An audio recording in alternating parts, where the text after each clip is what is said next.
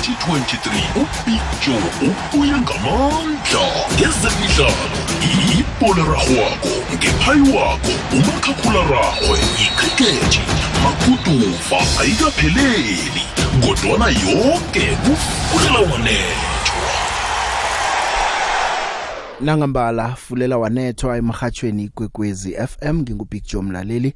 Ngiyokukhamba nawe ke sokuhlukana ngehour lesithandathu eh sicala indaba ezikhona zemidlalo. Zikhona ke ziyenzeka sikhuluma la sinawe eh indaba ziyenzeka ngapha nangapha eh kuningi okwenzekako. Kodwa ke khumbula ukuthi kusele nje amalanga eh amachuma amahlanu ngaphambi kokuthoma kwephaliswano le Netball World Cup. Nalapho ke sizokucala cala eh, besithembile ukuthi namhlanje mhlawumnye sakubamba ucaptain wesichema kodwa kwanje eh awa kubhalile kwanamhlanje siyakuthembisa nje ukuthi sizombamba ngelanga ke sithi mbondo mbondo naye ucaptain eh wesichema senaga ama playoffs ayadlala nawo kodwa ngaphambi kokuya kuma playoffs cala msizolo besikhuluma la noTiyan indaba yaka Semirnokovic ngimbuza ukuthi kambe njani emlandwini eh lapha amangalela khona iRoyal AM ku FIFA eh iFIFA ke isikhiphile isiqundo batsho ke si favor lo akwaNokovic breach of contract. Ingchema zekhaya nabaphathi bengichema ngathi abafundi ngoba angikhumbuli kunendaba yomuntu obuye nahena ngaphandla la eSouth Africa ongakabhadelwa wakhamba waya ku FIFA kusasa kwathiwa isiceme siawa vele umuntu lo bekumele ngambhadeli abantu ababhadelwe nane contract akwazi ucatsha umuntu bese ngemva kwemveke embili uthi sengikucotsha khamba.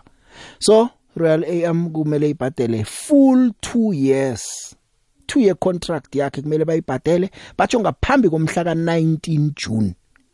Wona unyaka lo nakungasinjalo itransfer ban.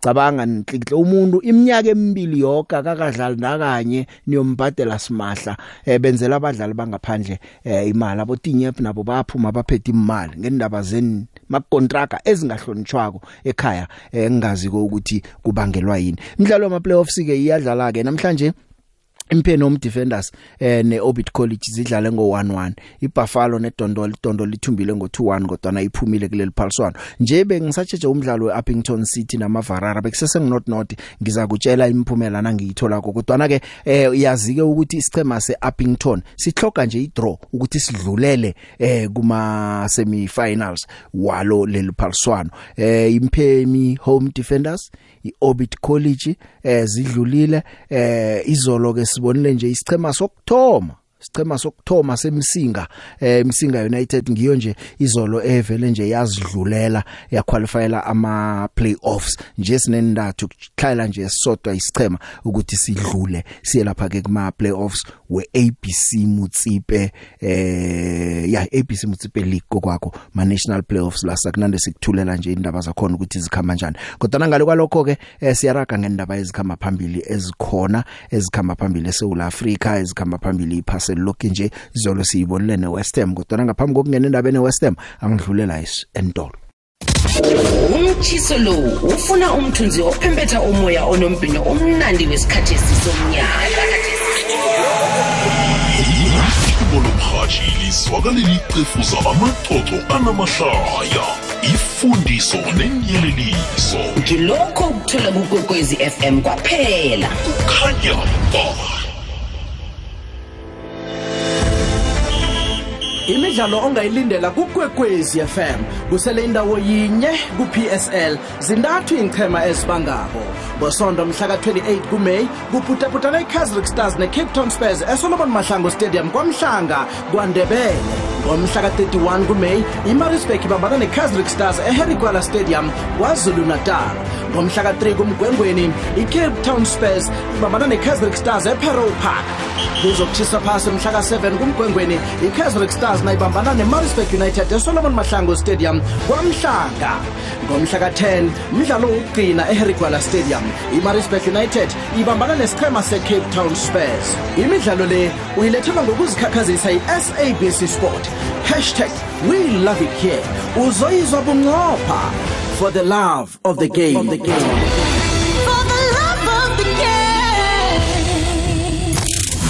Emnyakeni wamachumi amane wekwekwezi fm sisakulethela zemidlalo zisatshisa ngehlelo lezemidlalo fulela wanethwa umchiso lo ufuna umthunzi ophempetha umoya onombhino omnandi wesikhathi esisomnyaka ithubo lomhatshi lizwakaleli cefuza amaxoxo anamahlaya. Ifundiso nenyeleliso ngilokho ukuthola kukwekwezi fm kwaphela. Khanya ba. Emnyakeni wamachumi amane wekwekwezi fm sisakulethela zemidlalo zisatshisa ngehlelo lezemidlalo. Fulela kwanethwa imzuzu nje ilithumi nemzuzu emine ngemva kwayo i-hour lesihlanu. Eh khumbula ke ukuthi nombanduli webafana bafana usimemezela naye isicima sakhe siyokudlala neMorocco. Kodwa ke angithomekeza umdlalo wayizolo uJarrod Bowen eh 90 minutes. Umdlalo nje sowuphela vele emzuzwini wamachumi alithoba eh wabetha igondelo leWest Ham yathumba ngo2 not ibet 2-1 ngokwakho ibetha iFiorentina bekuma finals weUEFA Conference League izolo. Yathoma ke ukuthumba ibigire ekulu yeEurope eh iWest Ham eh yagcina kade khulu ukwenza lokho. Kanti ke nje ke nangithi ngiyacala eh umdlalo bekubonakala ngasuthi uza kuya ku extra time kuhle kuhle. Nawucala kubona ngathi uza kuya ku extra time kodwa nekugcineni eh uBowen wayithola i-true pass wachiya ama defenders wayivalela phakathi. Eh iWest Ham ngiye bethi igondelo nanzi nakuza kuba yipenalty echinge lapha ku VAR kwathiwa kune handball eh kwaba yipenalty njalo ke eh sabona ke eh, ayivalela phakathi lapha ku side eh Benrama wayivalela phakathi. Fiorentina yalwa ke yalinganisa. Elinganisa eh, uJacomo eh, Bonaventura nguyolinganisileko ke lapha kwaba ngu1 sesithi umdlalo yokuphela mhlawumnye ezake ku extra time awake eh, uJarrod Bowen wavala phakathi igondelo. Ithumbuleke eh, iWest Ham kanti ke eh kwaba into emnandi nembandulini. Kuzi bekathoma Thomi ipikiri yakhe yokthoma eh vele njengombanduli ayithumba ngikhuluma la ngoMoyes. Bekuyibhikira yakhe yokthoma le ayithumbileko. Siyamthokozisa siyamthokozisa hle eh kube kuhle nethabo. Silibonile nje ukuthi eh uthabile thabile bayithumbile kusasa ke eh, isizini ezakho kwakho bayakhamba ke bokudlala lapha ke eh, ku UEFA Europa. League David Moyes thumbe ibhigiri yakhe yokthoma umdlalo bowukhona ke loyo izolo ebusuku eh lapha ke ngaphetsheya eh naye lo mbanduli uyatsho nje uthi onginaki yokubetha igondelela uDavid Moyes uthi bese kagijima naye ndoda khamba nomdlalo pheze bese kase center eh uthabile uthabile uthabile uthabile hle nangu yena. Emnyakeni wamachumi amane wekwekwezi fm sisakulethela zemidlalo zisatshisa ngehlelo lezemidlalo fulela kwanethwa Hey ya sincancabeze bengithi ngifuna ukuzwisa yena nje ukuthi ithabo lingangani kuye kodwa nasiba nomraro. Ngidlule lapho ngichinge endabeni eh, ezihle hle zeFIFA. Lapha iFIFA iveza khona ukuthi eh abantazana njengoba bokudlala iphaliswano lebigiri yephasi nje eh ya New Zealand neAustralia liyathoma iphaliswano ngomhla ka20 eh kuJuly likhambe likhambe lokuphela ngomhla ka20 kuAugust. Kodwa kabantazana bake eh nedukuya nje ukuthi baqualifyele iFIFA ibaqinisekisela lapha imali e577923 eh kuyi270000 eh US dollars. 270000 US dollars kokho ngeyokuthunjwa ngilaba bokuthumba ibigiri abazi inkutani bokuthola 5.1 million 270000 US dollars kanti i567 7923 eyokutholwa nje vele ientry level leyo 30000 US dollars. Kuzindaba ezimnandi lezo eh na ucala ukuthi phambilini bekukhulunywa indaba ukuthi abentazana babhadelwa ngendlela kumele babhadelwe ngayo eh ngasuthi na uba madanisana amadoda kuyachigama kakhulu yeah kodwa ke lokhu noma ngingathi ukuthi sekulingana kodwa lokhu kuhle hle okwenzeka nje abantwana bebanyana banyana ngamnye 572000 esiqinisekisiwe ke leyo iqinisekiswa lapha ke iFIFA. iFIFA ke ikhiphe imininingwana leyizolo icho nje ukuthi eh abadlali bozithola imali le. Iprice imali seyoke abayibeke lapha eh yokukhamba ihlukana njalo njalo. It's 2.1 billion rand. Imali ebekwe lapha ke iFIFA ibekele iphaliswano lebigiri yephasi eh labendazana eh mayena uthi uyacala ke okay? Eh kusho ukuthi ingchema ke eh kuma group stages kuma group stages. Ingchema zokuthola abadlali bokuthola 572 16000 rand. Ya noma ke zingakadluleli kula 16 asengithi laba vele abayi 16 bokthoma ababhalelwe kudlula kula 32 baye kula 16 nasimali abayoyithola leyo. Kodwa nabadlula baya kula 16 emzombeni wokukhuphana umdlali ngamunye eh it's 1.1.4 million rand. Ya. Yabona ukuthi ethi seyifike ku million ilake ileke lapha nge 140000 kusho ukuthi imali ehlele udlulile. Eh nase zifika kuma quarter final isichema safika kuma quarter final 1.7 million rand. Ila ilalamela i2 million rand. Then ke hawa ke eh nazifika lapho ke ingchema ke ziyakhamba ke ziyalapha ke eh, kuma semifinals. Nazifika kuma semifinals eh 3.1 million rand imali yokutholwa lapho. Eh nase zifika kuma semifinals angitsho ziyadlula ziya kuma finals eh bese lezi emimbili ziyokudlalela ubujamo besithathu. Abayokuthatha ubujamo besithathu eh bayokuthola lapha ke 3.4 million rand. Now ubetshwe kuma finals we World Cup umdlalo uzithola 3.7 million rand. Inengi imali leyo? Then abathumbileko kangisakhulumi ke 5.1 million rand.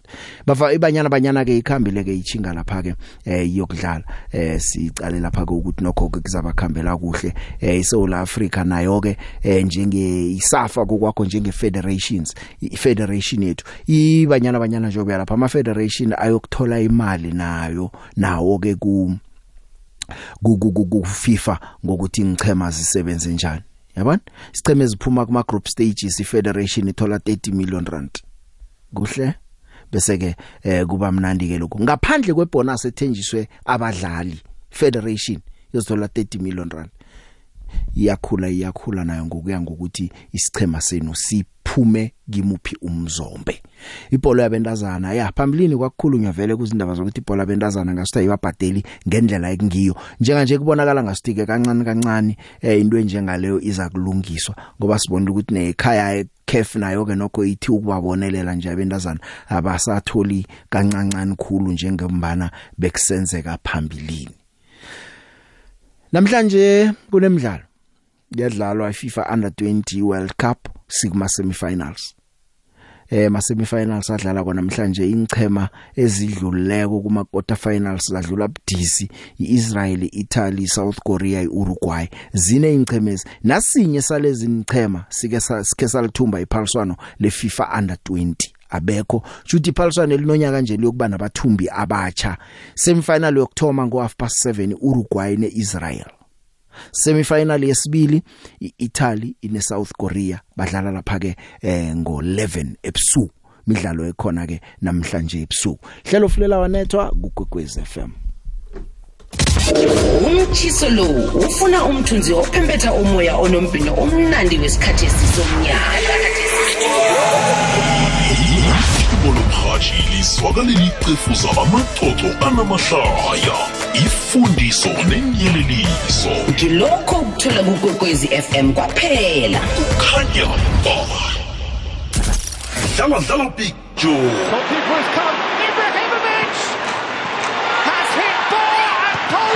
Everybody thought that I'm too old, but I came. and I made the Premier League look over. Zlatan Ibrahimovic umswa weSweden naye batsho nje uyalisa na 41 years. Udlala imidlalo e988 obethe 573 goals.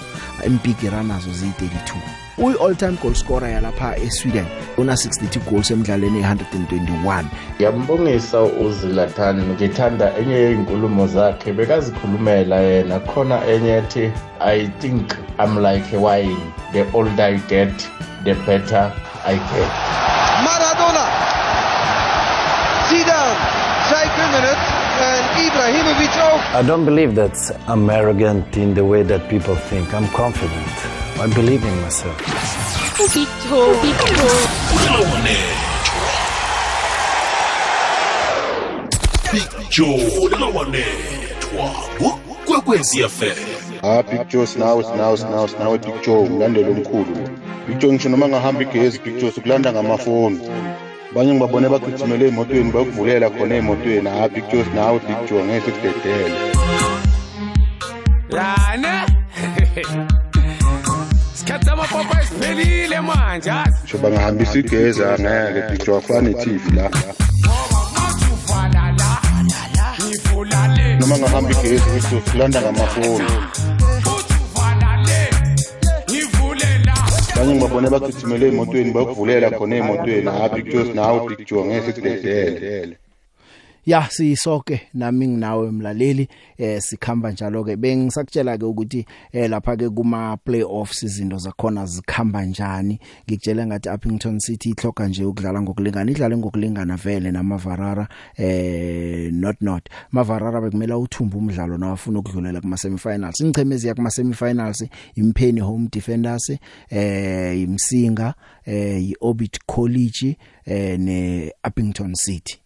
Ma semifinals ke lawo eh kusho ukuthi ke kilezi ke eziyokuthumba esiyokuthumba umdlalo waso kulama semifinals kusho ukuthi sesingaphakathi kweMotsipe Foundation Championship. Ukhumbule ke eh, ukuthi embili ngicheme eziyokudlala ifinal vele seziqualifyile ziya kuMotsipe Foundation Championship bese ke nasezidlala ifinal zona sezidlala nje ukuthi kwaziwe ukuthi inkutani bobani eh lapha kuMotsipe Foundation Championship nationally. Kanti ke uHugo Bruce nayo simemezele isichema sakhe sokudlala ne ne Morocco eh Morocco yona seyicedile vele ne South Africa ziqualifyile sidlala lapha ku group K. Sekufuna nje ukubona ukuthi mhlawumnye ngisiphi isicheme siba number 1 isichema sakhe uGo Bruce eh angazi ukuthi wena ungathini ngaso. Ngicabanga ukuthi nawe usibonile na ungakasiboni nasisona ngizokutshela.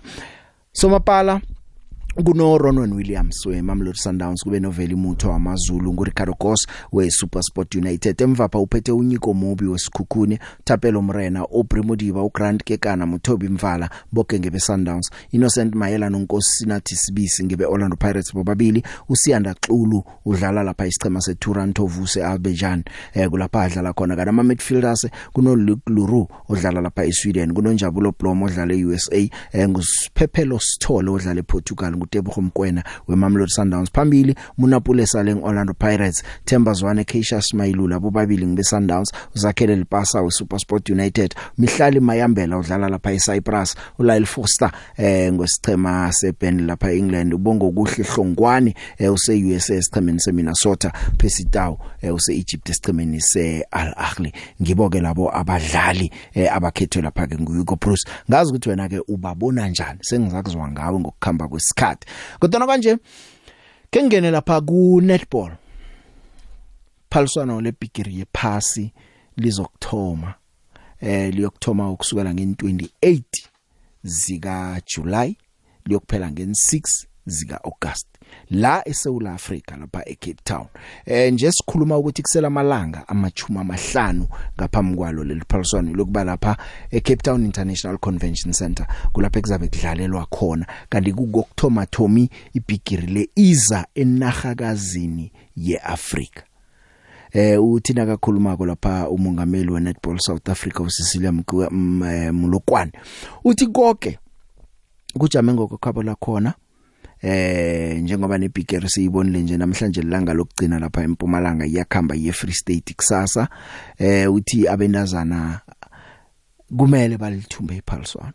Nababhalwa kulithumba okungasenana bathole imendlela bacede lapha ku podium ngizokukhumbuza ke siku group C lapha kune Jamaica kune Wales kune Sri Lanka. Kuyokudlala imidlalo eyi60 kuleli phaliswano seyiyonke sengikubala nje imidlalo yonke ezabidlala eh kanti ke umbanduli nje wesichema iconditioning coach yesichema eh ngu Werner Boda eh uyatsho nje ukuthi fitness batsho icakatheke kakhulu kuleli phaliswano. Uzokulinga ukwenza ukuthi abantazana bekhaya eh babe fit ngendlela erarileko batsho ke nabayokudlala leli phaliswano ke sizwe ngayeke. We have to see our position as well, what we need to, where we need to get the players as well. I mean, what's that extra 1% we can give the players to make them better than our position. So, I mean, there's definitely some testing that we needed to do to see where the players are at the moment. So, for, of course, to design the program as well and to see where it improves as well. But I think in the end of the day, it's so short time. We needed to see what's the small things that we could change as well. And as I mentioned, And if you get a team as well and they believe in what you do, you can get the players where they want and understand the objective and the outcome where you want to go with it. You need to be physically strong. I mean, some positions you move a, a lot around on the court as well, so you need to have the fitness levels. If we think it's an hour and quite intense, jumping around, landing as well, there's a lot of force going through the body as well. And I think it's, I mean, playing that means seven matches back to back as well I mean, it's going to be important for them to be fit as well and who can recover the quickest. And that's going to be all depending on how did you train during the year, not just on the court, but in the gym as well. ya ngubhota sithemba ukuthi abinazana ababaza kuba sevijimini obuhle eh igandelelo lona likhona na ucala ukuthi kungekokthoma iNetball World Cup ibanjwa enarhakazini yeAfrika. Solo iphaliswane lathonywa ngo1963 kuyathoma ukuthi libanjwe la eSouth Africa kanti ke sasikhuluma ngebigiri yephasi yebhola eragwako ukuthi nayizako iyosichiya nani kwenzekani? Eh beze eh, vakatsho bukelo la eSouth Africa itourism eh bayatsho nje nabo ukuthi bayisekela iphaliswano leli eh le World Cup ne local organizing committee eh batsho bayisekela hle batsho njalo ke eh oyi acting chief marketing officer lapha ku tourism SA eh u Brown Brownwayne. Oriet ya nguBrownwen Oriet eh uvezena akakhuluma neSABC Sport ukuthi bazokwenza iqiniso nje ukuthi bonke abantu baphatheka kuhle abafikako edwelweni lemphaphambili eh batsho bafuna ukuba khombisa iSouth Africa ihlangothi elihle eh lenaga yeSouth Africa kanukandelela ke lokuthi kunengi ke nabo njengomnyango wezivakatsho bukelo abazokuzuza ngaleli phaliswano lebigiri yephasi utsho njalo. That's the point of, of promoting or working with uh, the entities that bring these big events to South Africa. Um, you know, this is the Netball World Cup. It's bringing at a sold out capacity about 56,000 people into the Cape Town International Convention Centre to watch, participate, and experience the Netball World Cup. Um, earlier in the year, we had the first ever sustainable Formula, uh, Formula, I want to say Formula One, but E-Pre race um, in Cape Town that brought in another 30,000 people to experience that event. Uh, events make people travel and it is something that is very close to people's hearts. Um, and not only do they get to experience the beauty of Cape Town, uh, they get to be a part of the sporting event and go home with a lot of fantastic experiences and stories to share with everybody. From an SA tourism perspective, um, it's really important that we get behind these kinds of events. Uh, we want to make sure that we support the development of mega events where we can attract a lot, a lot of international travelers. Uh, what is key to us is making sure that the team has the support, um, and that is the organizing team has the support to pull off an event of this magnitude. Um, there are not many events that can pull 56,000 people into one place over a 10, 15 day period. Asirage mlaleli sisatsheje lezi bigiri yephasi ye netball eh manje ke lezi ke bezokuvakatsha ke bayatsho ke ukuthi nokho iSouth Africa izokuzuza ngehlangothini lezemali isikhulukhulu eh lapha ke ngakubo Cape Town lapha ePaulson olizabe lidlalwa khona.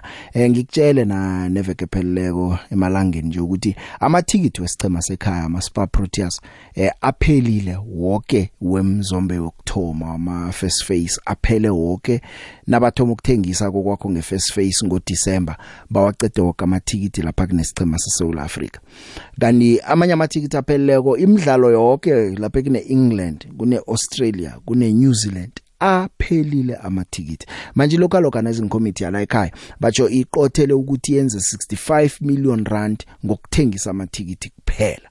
Okuningi ke sebaza kubona ke ukuyale kuyale amathikiti kufikela nje abakhambela kamnandi hle The other part is to make sure that our source markets, our key source markets, who are represented in the World Cup. So you've got Australia, you've got the UK, uh, you've got New Zealand, you've got uh, we've got we've got three African countries who, you know, are obviously very very uh, important to our tourism growth. Participating is to make sure that people know the World Cup is happening here. They know how to access it. They know how to get get uh, to travel to South Africa uh, for the World Cup so that they can enjoy everything that we have to offer and add a couple of pre and post tours on there. That's the point of, of promoting or working with uh, the entities that bring these big events to South Africa. Um, you know, this is the Netball World Cup. it's bringing at a sold out capacity about 56,000 people into the Cape Town International Convention Centre to watch, participate, and experience the Netball World Cup. Um, earlier in the year, we had the first ever sustainable Formula, uh, Formula, I want to say Formula One, but E-Pre race um, in Cape Town that brought in another 30,000 people to experience that event. Uh, events make people travel and it is something that is very close to people's hearts. Um, and not only do they get to experience the beauty of Cape Town, uh, they get to be a part of the sporting event and go home with a lot of fantastic experiences and stories to share with everybody. Ya silinde ngamehlo bofu kusela amalanga amachuma amahlanu elifikile iphaliswano le netball le World Cup. Eh kanti ke yazi ngihlezi la into bengisayicabanga nje izolo nangibukela iFiorentina neWest Ham ukuthi okay emaphaliswaneni weEurope ingchema ze Italy bezikhona iRoma idliwe kuma finali iFiorentina idliwe kuma finali nje siyokubona ukuthi iInter yenzani nayidlala eh nesichema seManchester City eh ku Champions League.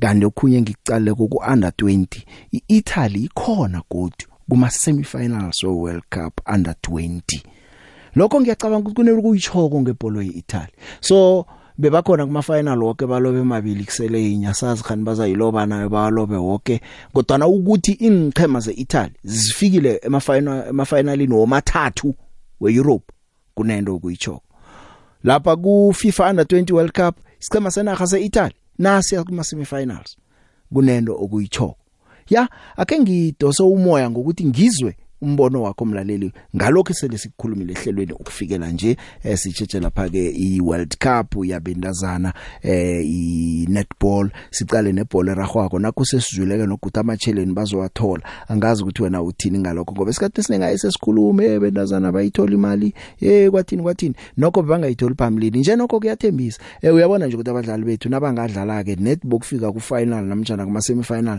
net badluleke emzombeni wokthoma awa nokho baza kuya baphethe ulutho esandleni. Big Joe nguJanisile Standerton session 6 Big Joe 50 days left. Kusazoba mnandi mos.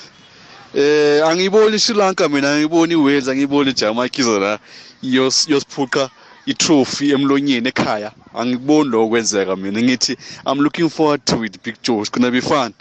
Eh best of luck for amantombazana ethu. Eh ngiphinde ngibuye ku squad hayi hayi baprovele bafana ukuthi eh they capable.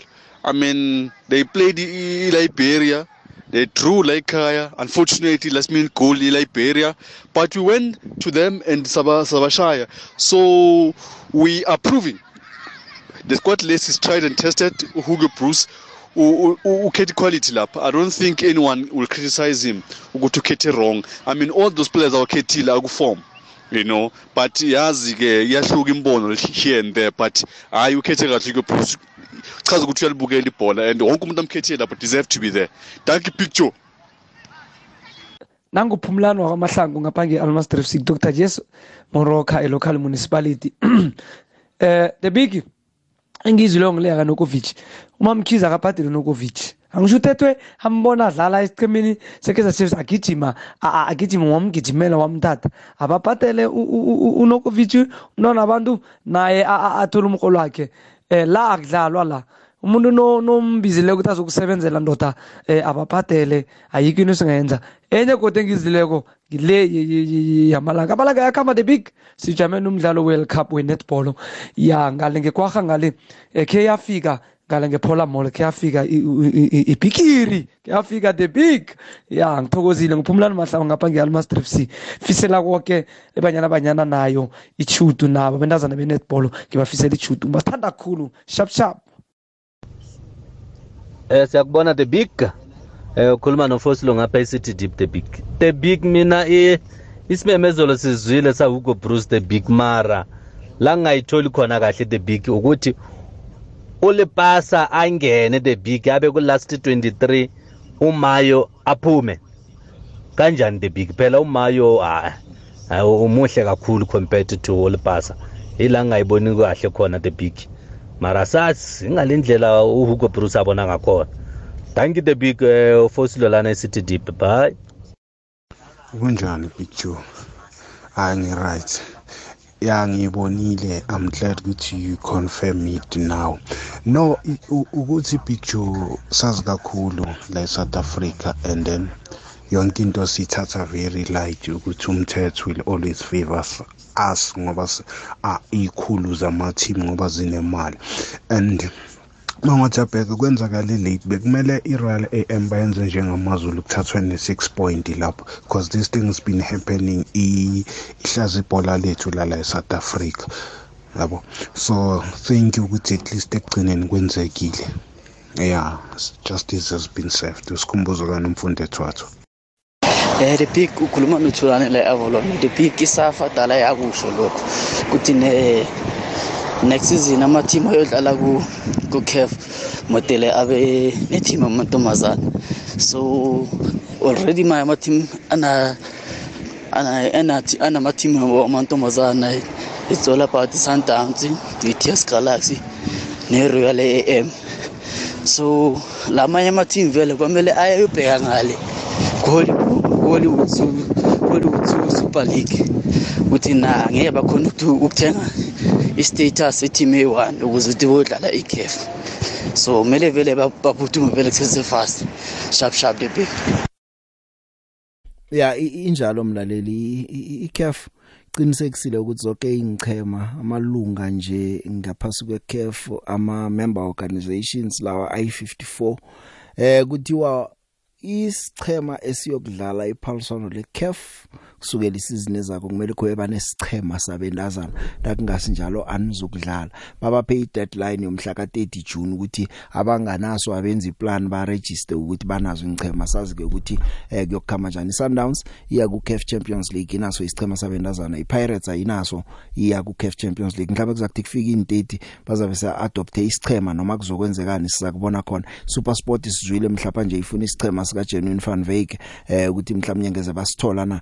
Isikhukhuni siya ku CAF eh, Confederation Cup naso. Asinaso isichema sabantazana. Asazi ukuthi kuyokukhama njani ngakulelo hlangothi. Kanti ezinye indaba Lionel Messi naye ulise imali engangemali batsho lapha eSaudi Arabia wathi ii angilapho eh ukhumbula ukuthi Lionel Messi eh, bano David Beckham bazwana kangangani. uBeckham ngathi ke mhlawumbe ukwazile umrogela ukuthi endoda iza ngapha. Eh uya lapha ke ku Major League Soccer esiqemeni seInter Miami eh nge first nge free transfer. Kulapha yokudlala khona uLionel Messi. Kusukela isizini ezako Hi Big Joe ngu Andre Mncandlana la eJoburg Alexander. Eh Big Joe ngiyabona amasebe final we under 20 Big Joe. Hey Italy liyana abantu bayibheke Big Joe Italy. And ngiyayibona ibhida something i-Italy ngibona ne league yabo i-Serie A i very strong Big Joe. So bangamangala abantu Italy seyidominate e-Europe or kwiphasi lonke Big Joe. khona bakubhidayo la kakhulu kuhle futhi. Eh ngiyabangenelela nje nempumelelo nabo. Big show bangibonga big show wande ngidlala la Joburg the big loja ya ikosi ujola emele nyiwe the big the big angithome ngonqanqabeza izola ngithatha imizuzu em- emibili kuyaphezulu the big. Acolise the big ngoba is- nge- sisuke silingekile the big nemibuzo eminingi sifuna ukuyibuza nesifuna ukukuthula the big engqemeni zethu. Ya the big. Ya ey the big. Ngibonile i-cape town spurs the big. Nakuqala ingchema zontathu lezi the big. Cape town spurs ibonakala my favorite ukuthi ingabuya ku-dstv premiership the big. Ngisho ngisho kuyini the big cala imarisburg ayikhombisi kuba professional. Cala ihlula ihlulwa yiyo i-cape town spurs. Kube ngabe i-serious ngabe iwinile lo mdlalo lo. Noma badlala i-draw ukuthi bazobuthelela yonke le six point nabo ku-caxrick the big angiboni angiboni angiboni ibuya ngithokoze the big sharp the big ande the big thina la kuvela wanethu hayi the big umdlalo ezolo sibonile hlangana kwe-cape town spurs nayi-kaizer stars. Ya bekumdlalo omuhle hle ya uphuthuma korhabileko ya the big ya yabona abantu umsegwabo ubethana ngempura bethana ngazo zonke indlela zakha nazo. Ya bakhuluma nge Kaizer Star ayikwenze konke bekumele kwenze hayi. Sikwabhala enyaweni the big mara ayikuza kulunga ngelinye ilanga. Ya the big i-cape town spurs kusicheme esinamandla think sibonile the big asinamandla siya phambili ngamandla bese ngikhumbuza yona ngaleza nkati sisabize ngokuthiwa i-ayas cape town. Hayi the big man hayi kuza kulunga the big man hayi ngithokoze kezemidlalo um ngujangela nguyena yedwa wakubungela ngilayisa amaphepha. Adanko the big. Ya big joe mandla khe sam light ibsluthi. Big joe um ya isquad esihle isquad esihle kunilala uma player each and every squad eh sohlezi sikhala ngeplayer elithize noma uya ku96 noma uya ni kuphi. Zine player sokhala ngalo. If mina bekuyimi uneo mayemo we-sundowns bengingambiza naye he's a brilliant playmaker that boy and he can take on players. But anyway eh ucoach webafana bafana akayi-understand ibhola yase-south africa naye i-top goal scorer eh ulento umayo umayo top goal scorer eba ubambisene noshalulile kodwa unabantu like abaguaranteed bakhe kuphela. So any coach is like that. So ngihlezi ngithi ibhola lasemzansi liyakhuphuka year in year out uthola eh i-team lala emzansi kuma-finals eh isinet ukuthi sine problem ye-president yesafa sine problem ye-coach. Asina coach asina assistant coach. Sinabantu nje. Yabo. Eh ama Super Proteas eh Big Joe eh njenge lomlaleli bekathi cricket amantombazana asenze proud ajika kwepodium athatha isilver medal iyona nto esi-expectile kubo.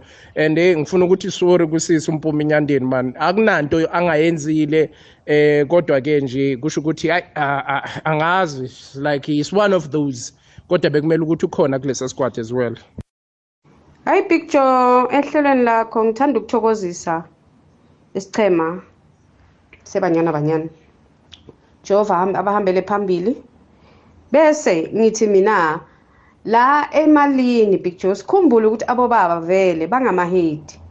Yes khumbula ukuthi ibhola leli licala sicala ukulivulela amehlo kule minyaka enalena. So angeke bavele bathi bhu bathole ukulingana nabantu besilisa. So into ekhona siyabonga lokho abazobanika kona.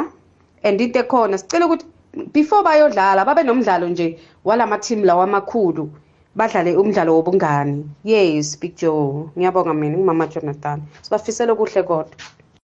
Ya sithokoze ama voice notes imbono eh evela ko. Angikutsheleke ukuthi kusasa ku Mtsipe Foundation Championship eh sekudlalwa lapha ke imidlalo yama semifinals imatch day 4 iUppington City ngo11 yokudlala neMpheni Home Defenders bese kuthi ngo3 umsinga United badlale neOrbit College. Imidlalo icakatheke khulu le eh engichemeni zombili. Isicheme sithumbako eh, siyakhamba. Siyokudlala ngaphasi kweMutsipe Foundation Championship lapha kuphume khona iTTM nesichema seBlack Leopards eh abanye bokungena lapho. Eh kazi ke kune phaliswana ngazi itennis leni ichecha kangangani iRoland Garros eh iFrench Open kuyadlalwa liphaliswano elimnandi hle phaliswano elimnandi hle ngicale la eh ukuthi uJokovic kusasa uyokudlala noCarlos Alcaraz. Eh French Open leyo ke ekuzabe kuma semifinals. Djokovic lemuko lungangonina 36 years iminyaka anayo eh kanti ke i Grand Slam semifinal azaba idlala ngehlandla lamachuma amane nahlanu so na 45 yama Grand Slam semifinals awadlaleko uAlcaraz yena ke kuzabe kungeyesibili kuphela. Experience leyo ke mntomucha nomuntu osekane lemuko kuzakubonakala khona. Eh uRoger Federer siyazi uretire eh uRafael Nadal ulimele akekho kuleli phaliswano. Sekucalwe uDjokovic njengoba ke kukhulunywa ngeBig 3 kungibo nje laba babili abekho nguye ophethe iflag nayo sejimeni lakhe lokuthi azithole iGrand Slam yakhe ehlandla lamachuma amabili nantathu ngoba nje una 22 ubambene noNadal eh ukhumbula ukuthi unyaka opheleleko ngebanga leCovid namaphaliswana zanga wadlala nje ubuyileke nangathumba uyadlula kuba nguye ophethe amaGrand Slams amaningi azaba yi23 akhamba phambili ayedwa. Umdlalo ke wakusasa oza kuba DC hle umdlalo lo kwenye isemifinal eh uCasper Ruud Casper Ruud yokudlala phake no Alexander Zverev eh ma semifinals eh siwabonileke lapho ke eh, uZverev uthumbile abetha umso weDenmark uHalgarun wadlula ngolosithathu manje ke uRuud ngikukhumbuza ukuthi waloba ku final ye, ye, ye, ye Roland Garros unyaka opheleleko abetshwa nguRafael Nadal. Eh simbone ke nje nangu eh ukhona lapha ke eh u Ruth lo. uCasper Ruth uzabadlala noSverev kusasa ngamanye ama semifinals ngihlangothini labanazana sebujameni bokthoma eh ngikhuluma la ngo Iga Swistek Sweet Sweetek nguye ovikela unongorwana lo. Udlulile ubethe ukhokho gufu kabhlungu wazidlulela nje kamnandi ufuna iGrand Slam yakhe eh, yesithathu lapha ku Roland Garros. Eh ugufu sesemncane una 19 years ubechiwe lapha ngo 6462 eh bekuyi rematch ye final unyaka opheleko eh mntwana abantu uyalinga yena kodwa nakugcineni ngelanga uzokudlula. Ngelanga uzokudlula. Eh usatek lo una 22 years yena ngwalapha ePoland. French Open sewuyithumbe kabili ufuna yesithathu. Eh kanti ufuna ukuba mntazana wokthoma solo kwango 2007 ukuthi ayithumba amahlandla amabili ayithumbe bese uyayivikela. Umuntu wagcina ukukwenza lokho nguJustin Henin ngo2007 wakho kwenza lokho ke eh ma semifinals ke esiyokubona lapha ke eh usatek adlala lapha ke no Patricia Haddad Mia eh ngweBrazil ke lo engikhuluma ngaye. Mntazana okthoma weBrazil ukufika kuma semifinals eminyakeni eyi55 akunamntazana weBrazil owafika kuma semifinals wetennis. Nangu ufikile ke uPatrice sakubona kusasa. Asizwe ngo Swiatek Well, I think uh, tactically it was a little bit different. Um, but also, you know, the conditions, because Coco, I think, used the wind a little bit more. Um, and last year, I don't think it was windy on the final, but I don't really remember. Um, and um, yeah, it was. I was yeah for sure it was more tight in first set. So I'm pretty happy that in those important moments I was the one that was solid and I could put a little bit more pressure on Coco. Yeah, it is.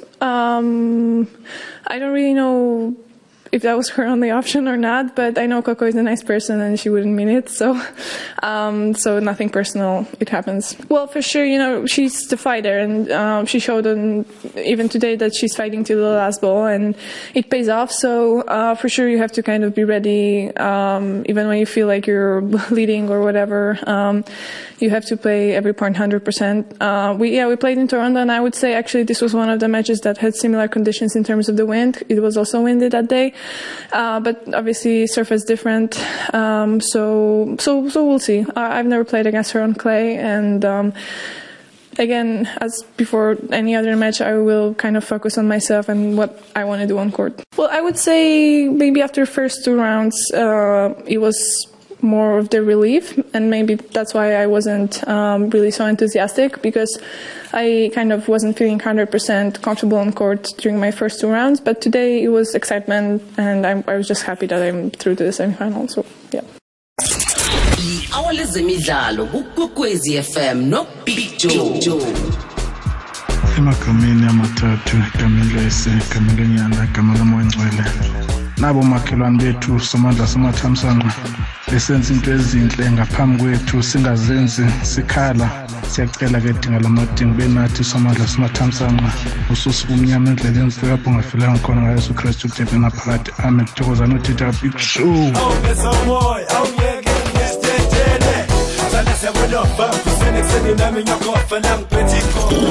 Picture ufikile Ya eh ngicale la ukuthi ke ibanyana banyana ngizuma ka Jonathan athi badlale nengichema ezigcina qinileko bokudlala neCosta Rica ekungiyo yokugcina abayokudlala nayo ngaphambi kokuthi kuthome iphaliswano lepikiri yephasi eh kanti ke nakuceda ukwenzeka lokho ke kuyokudlala iphaliswano liyathoma.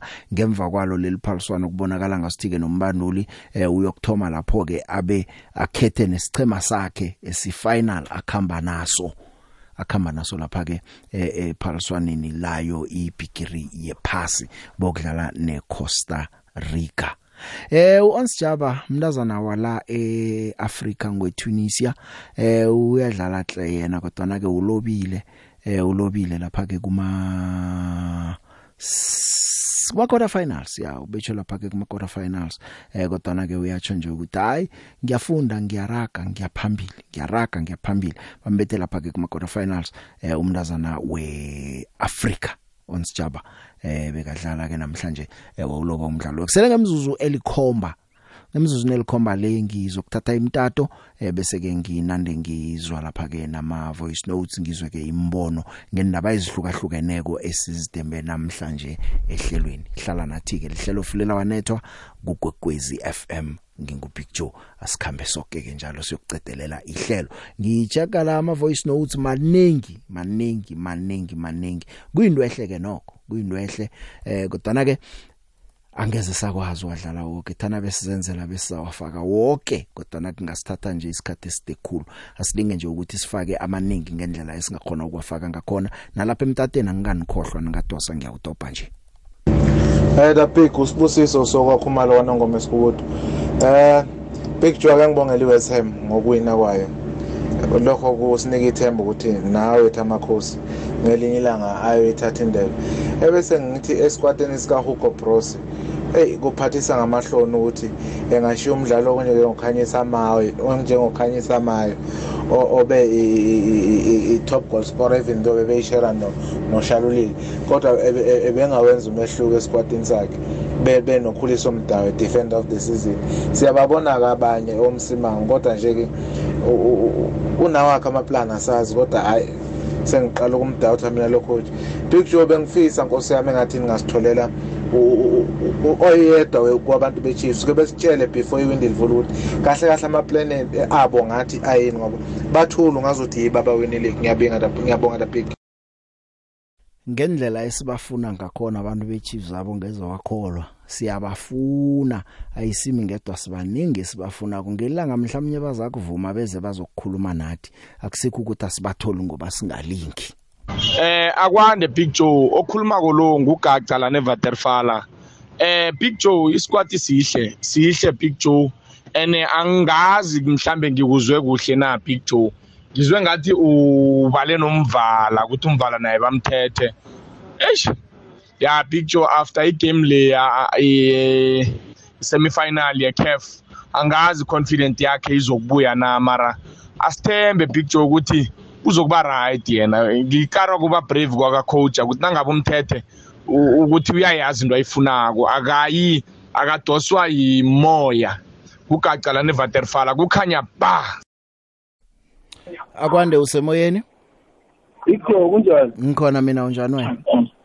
Ona bigjo ukhuluma nomarongrong bigjo ngiyathokoza.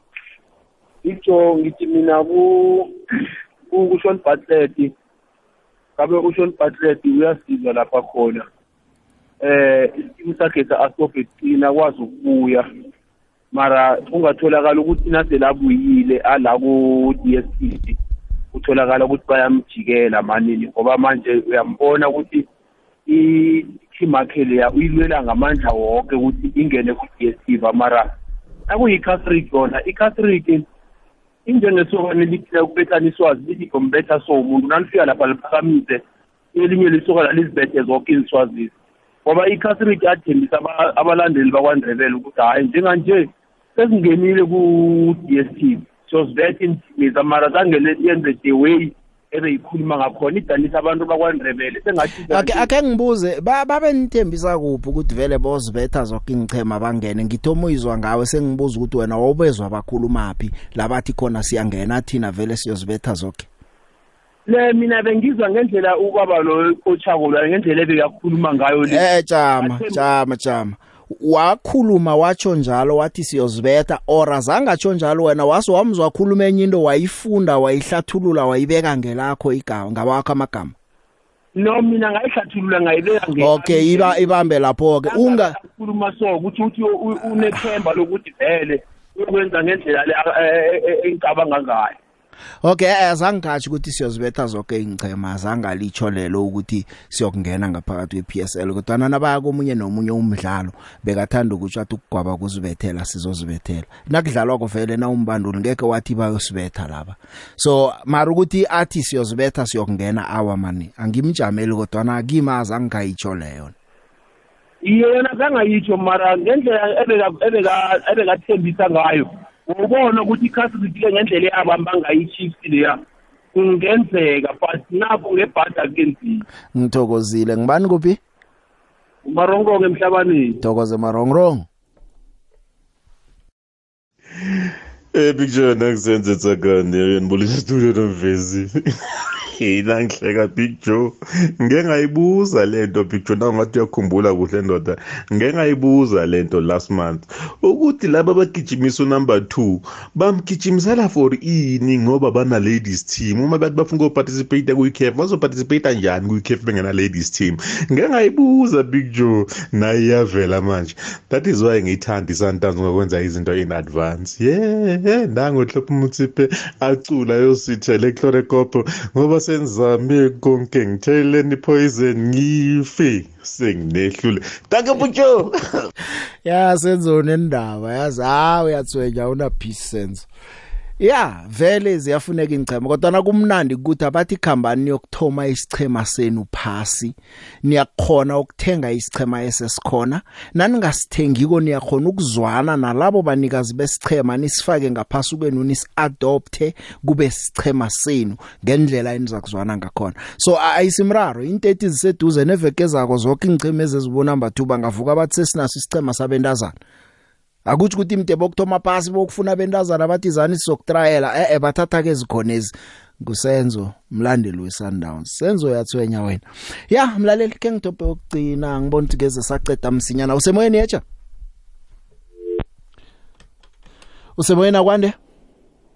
Ipso msinyazana uthini lapho? Ngibani uchapi la eSaraton epicture uyuko Bruce man uyasokolisa lo baba. Mm. umayo umayo umsiyelana nakuthembazana waqala wenza kanje. Uyuko Bruce ngathi makiwe entshonalanga uyempumalanga yena. Ufuna ukukhulunywa right ngikuzile Japi ngithokozile. Ke sakhe lumkhanyo sibona ukuthi unqopheni uHugo Bros ya picture sharp sharp ya isikhathi siyagijima sona na kumnandi ngithokozile indlela yakho mlaleli mina nawe sizakubonana godu eh kusasa kungolosihlanu noarivuna nangohlanu kwami. Ari Mhm. uthini awa siyivalile. Iphela veke ithoma namhlanje. Yeah. Eh abokuditsha ke nangabe kusasa bayangena bakhumbule ukuthi yasetshenzwa kusasa. Ona phakathi kweveke nje konje kuyadijwa ne? Ya ithoma namhlanje iphela veke. Okay. Asihlangane kusasa mlaleli ngithokozile